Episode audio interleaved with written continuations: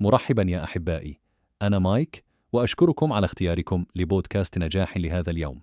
سأكون مستضيفكم والقراء الخاص بكم في هذا اليوم. بلا أي تأخير دعونا نبدأ.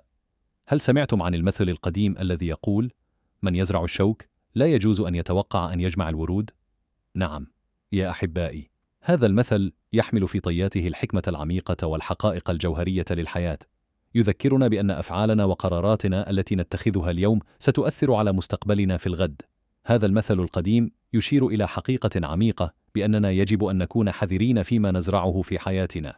إن زرعنا الحب والمحبة والاحترام يمكننا أن نتوقع الحصول على نفس الشيء في المستقبل.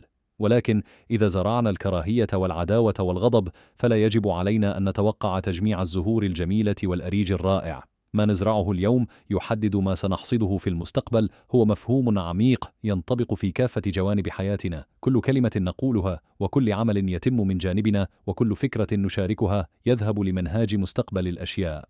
أعلم أن هذه القضية قد تكون صعبة في بعض الأحيان خاصة عندما تكون الحياة معقدة ومتعبة.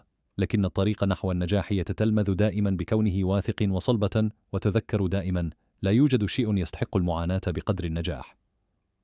الختام يا صديقي العزيز فزرع الشوك سوف يجلب لك المزيد من الشوك فقط لكن إذا زرعت الورد ستحصل على العديد من الورود الجميلة.